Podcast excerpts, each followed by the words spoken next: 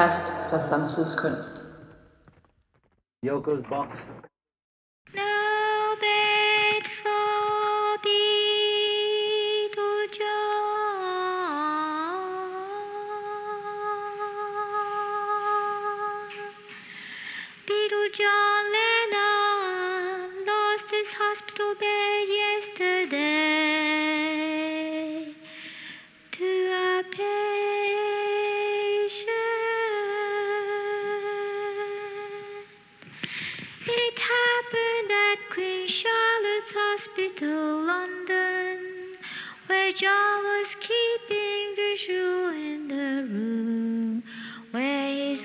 friend.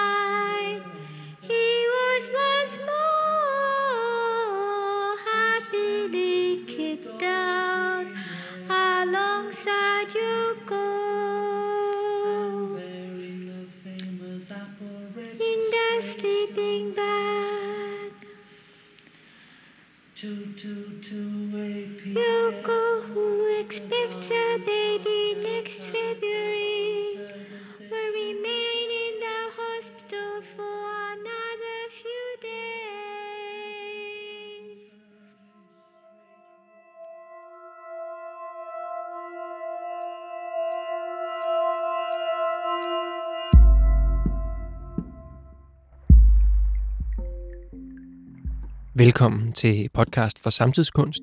Mit navn det er Jan Høgh Strikker. Jeg er fra The Lake Radio, og podcasten her den bliver til i et samarbejde mellem The Lake og Museet for Samtidskunst i Roskilde. Det vi hørte her, det har I måske regnet ud. Det var den japanske kunstner Yoko Ono med kor af hendes boyfriend John Lennon. De sang No Bed for Beatle John, et lille kortnummer fra deres plade Unfinished Music No. 2, Life with the Lions fra 1969. I just picked up the newspaper of that day and sung it as a song. No rehearsal, of course, har Yoko Ono sagt om den her lille sang, som blev en instant classic. I den her udsendelse, der skal vi høre et mindre udvalg af materiale, som øh, vi har fundet i Museet for Samtidskunsts lydarkiv. Et øh, kommenteret mixtape, som sidestiller ikoniske værker med helt oversete værker fra det forrige århundrede, hvor kunstnere i vid udstrækning begyndte at arbejde med lydmediet efter spolebåndoptageren i 1950'erne, siden kassettebåndoptageren i 1960'erne kom i almindelig handel og øh, dermed blev til rådighed for kunstneriske eksperimenter. Så de næste 30 minutter, så kan du lytte til et øh, udpluk af, hvad det er, vi har fundet i museets arkiv og sammensat for your listening pleasure. Vi fortsætter med en anden japansk kunstner, som også har været associeret med Fluxus-bevægelsen, nemlig Takesha Kosugi, og øh, det vi skal høre, det er hans stemmebaserede værk 75 Letters and Improvisation, der er optaget i slutningen af 80'erne, starten af 90'erne. Den er i hvert fald at finde på øh, dobbelt-CD'en af Chance Operation, The John Cage Tribute fra 1993. Og hvis man ikke kender Kosugi, han er i hvert fald ikke blevet helt lige så kendt som Yoko Ono gik hen og blev det, så har han altså lavet ret meget interessant musik siden starten af 1960'erne. Først med det ikoniske japanske ensemble Group Ongaku, og så på violin i Taj Mahal Travelers, og så en masse solo, hvor jeg i hvert fald selv synes rigtig godt om den meget dronede violinplade, der hedder Catch Wave fra 1975. Hvis du vil vide mere om Kosugi og hele den her tidlige japanske fluxus og spirende rockscene, så skal du have fat i øh, Julian Copes bog Jap Rock Sampler og øh, kapitlet eller essayet deri, som hedder Experimental Japan. Og hvis du ikke lytter på hovedtelefoner nu, så vil jeg lige anbefale det særligt til det her track, for der er nemlig rigtig godt gang i øh, stereo-effekten. 75 Letters and Improvisation.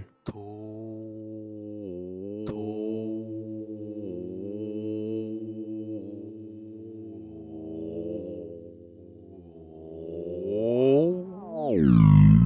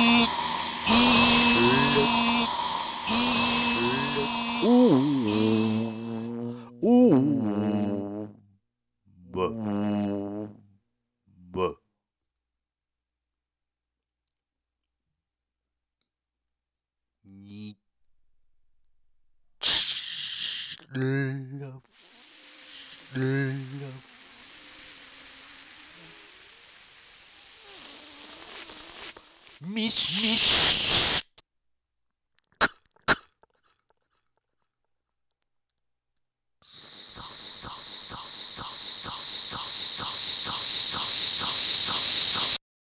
Kosugi slutter her, men øh, vi lytter sammen videre til Brandon LaBelles Event and Its Double, et stykke lyd fra udstillingen eller installationen af samme navn, som netop foregik i gården ved Museet for Samtidskunst tilbage i 2003. Og uden at gå i øh, detaljer med installationen, så kan jeg sige, at den var et forsøg på at lave en lydlig konfiguration af den sceniske opstilling ved øh, den allestedsnærværende komponist John Cages Black Mountain Event fra 1952 her i Roskildes øh, her i Roskilde Museet her i museet i Roskildes gård. Her i Roskilde som en stor X-formation, hvor stregerne er rumlige eller sådan udgør åbne rum, hvor i der er placeret otte højtalere, der spiller lydoptagelser lavet i museets bygninger. Lidt abrupt, lidt hakne og her mixet ned i en stereoversion, og vi kan lytte til det på hovedtelefoner helst.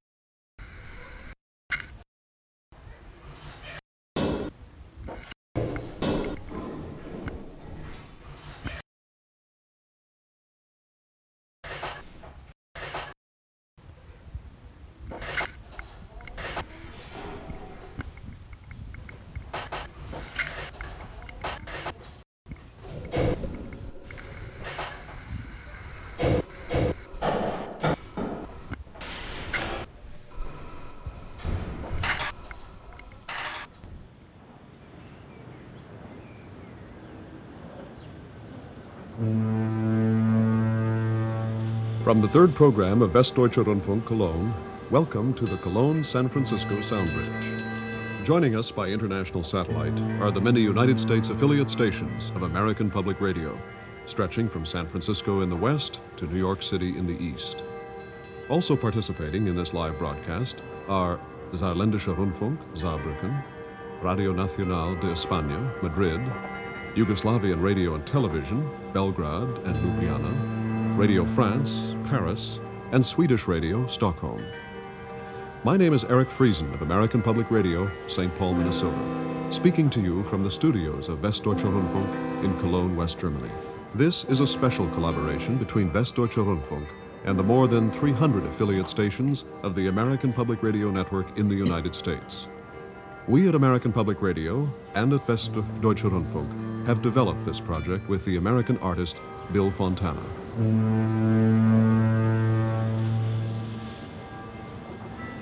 This is an historic moment in radio, the first intercontinental live sound bridge between Europe and North America. The first time in the history of radio that two continents have been united through the transmission of acoustic sound sculptures. Spanning the Atlantic via international satellite will be the sound sculptures of the San Francisco Bay Area, in this the 50th anniversary year of the Golden Gate Bridge, and the city of Cologne on the Rhine River with its many fine bridges. The idea of a bridge is central to this project. Already you can hear Bill Fontana's sound artistry, joining the two great cities of San Francisco and Cologne, and your community, wherever you are listening. So sit back and enjoy this extraordinary radio project, listening to it as you would to music, without accompanying text.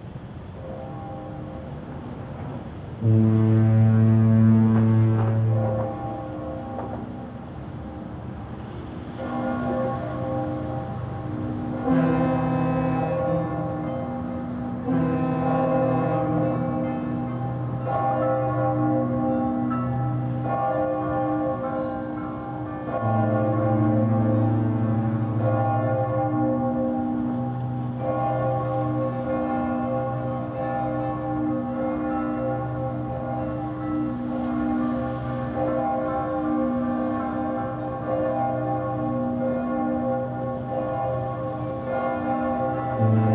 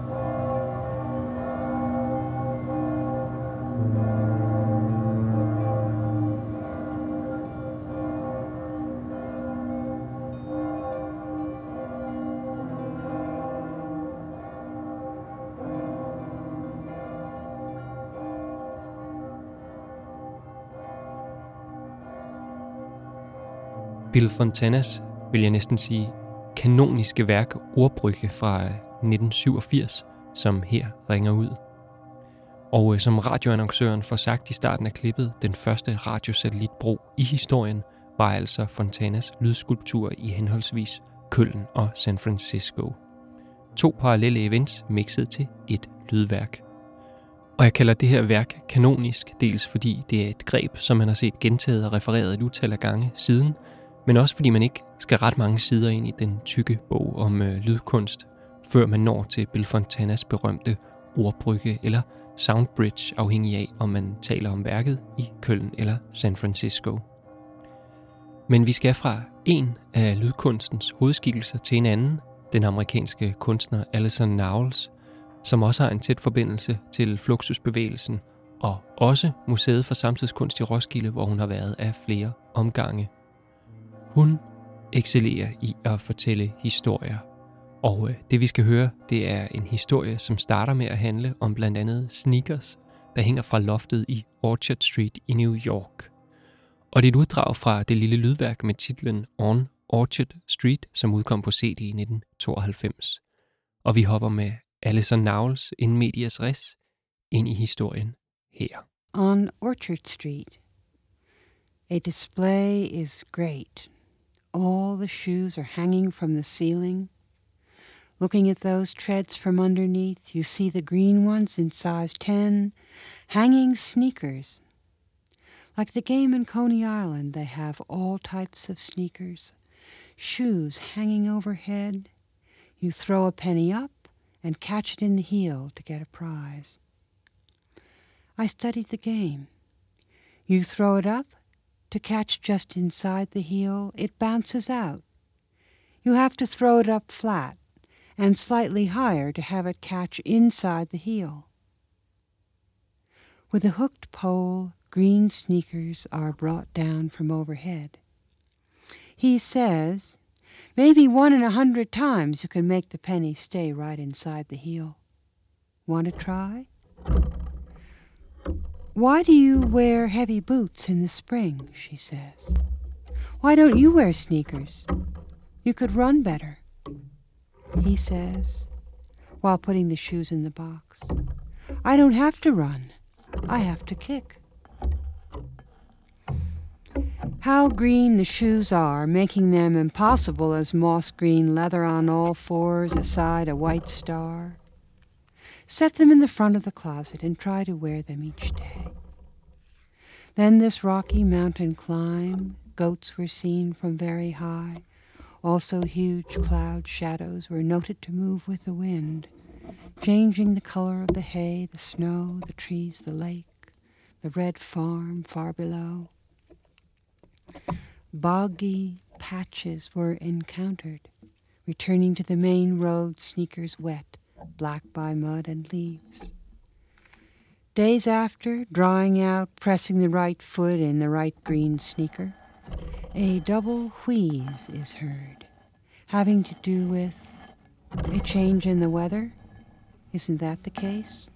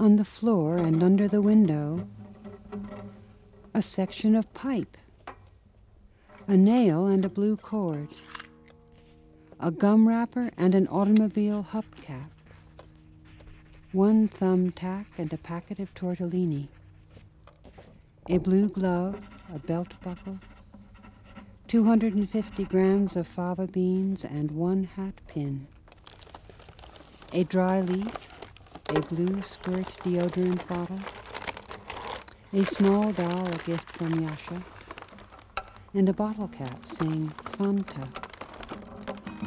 A hard baked cookie in the form of a fish. 14 shoe heels, three from Japan. Then a key, a comb, and an oil drum having been opened at one end.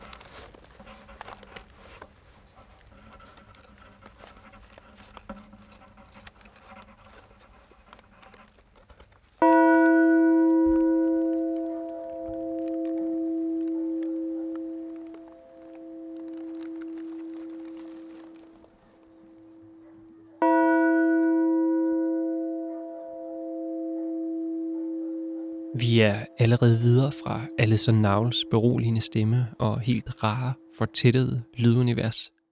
Klokken, som ringer her, er et værk af den tyske kunstner-komponist Christina Kubisch.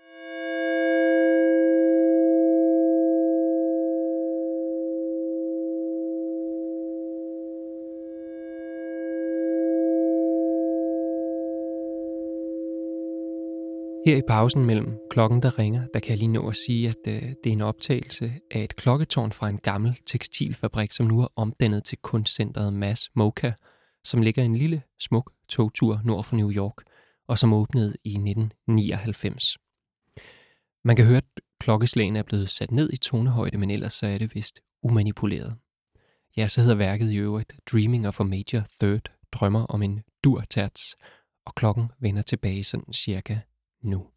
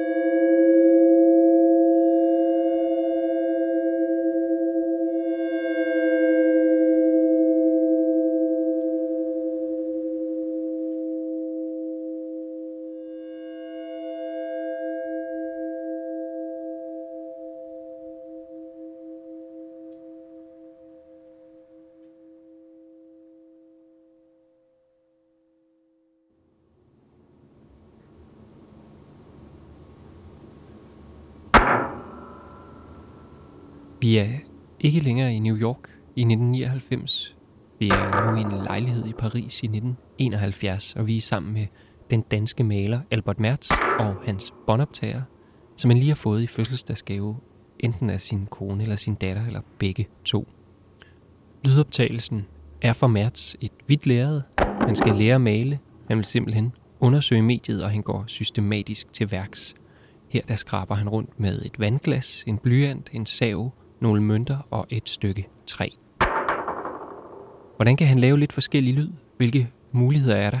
Han tager et skrivehæfte og skriver med store bogstaver udenpå. Det er vildt flot i øvrigt. Han skriver lyd.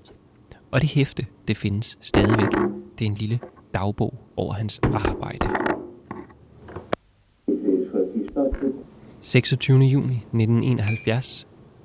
Det jeg søger gennem disse lydeksperimenter på båndoptager er at arbejde med en teknik og et materiale, som jeg står frisk og uvidende, parentes uskyldig, overfor og ikke bundet af forudfattede konventioner. Den 15. august 1971 sidder og hører gamle bånd, og det bliver endnu en gang klart, at alle mine forsøgsstykker er alt, alt for lange. Og så øh, den øh, 5 og så øh, den 6. maj året efter 1972. Det sidste år er jo udelukkende gået med at lege med optageren, og på den måde få kendskab til de muligheder, der var i den. Men nu må tidspunktet være inde til et mere bevidst arbejde. Men altså, øh, til syneladende så når han aldrig helt i mål med det bevidste arbejde. I hvert fald er det ikke sådan, at der findes en række afsluttede Albert Mertz lydværker. Der findes en 7-tommer LP og to CD'er med de her lydskitser på.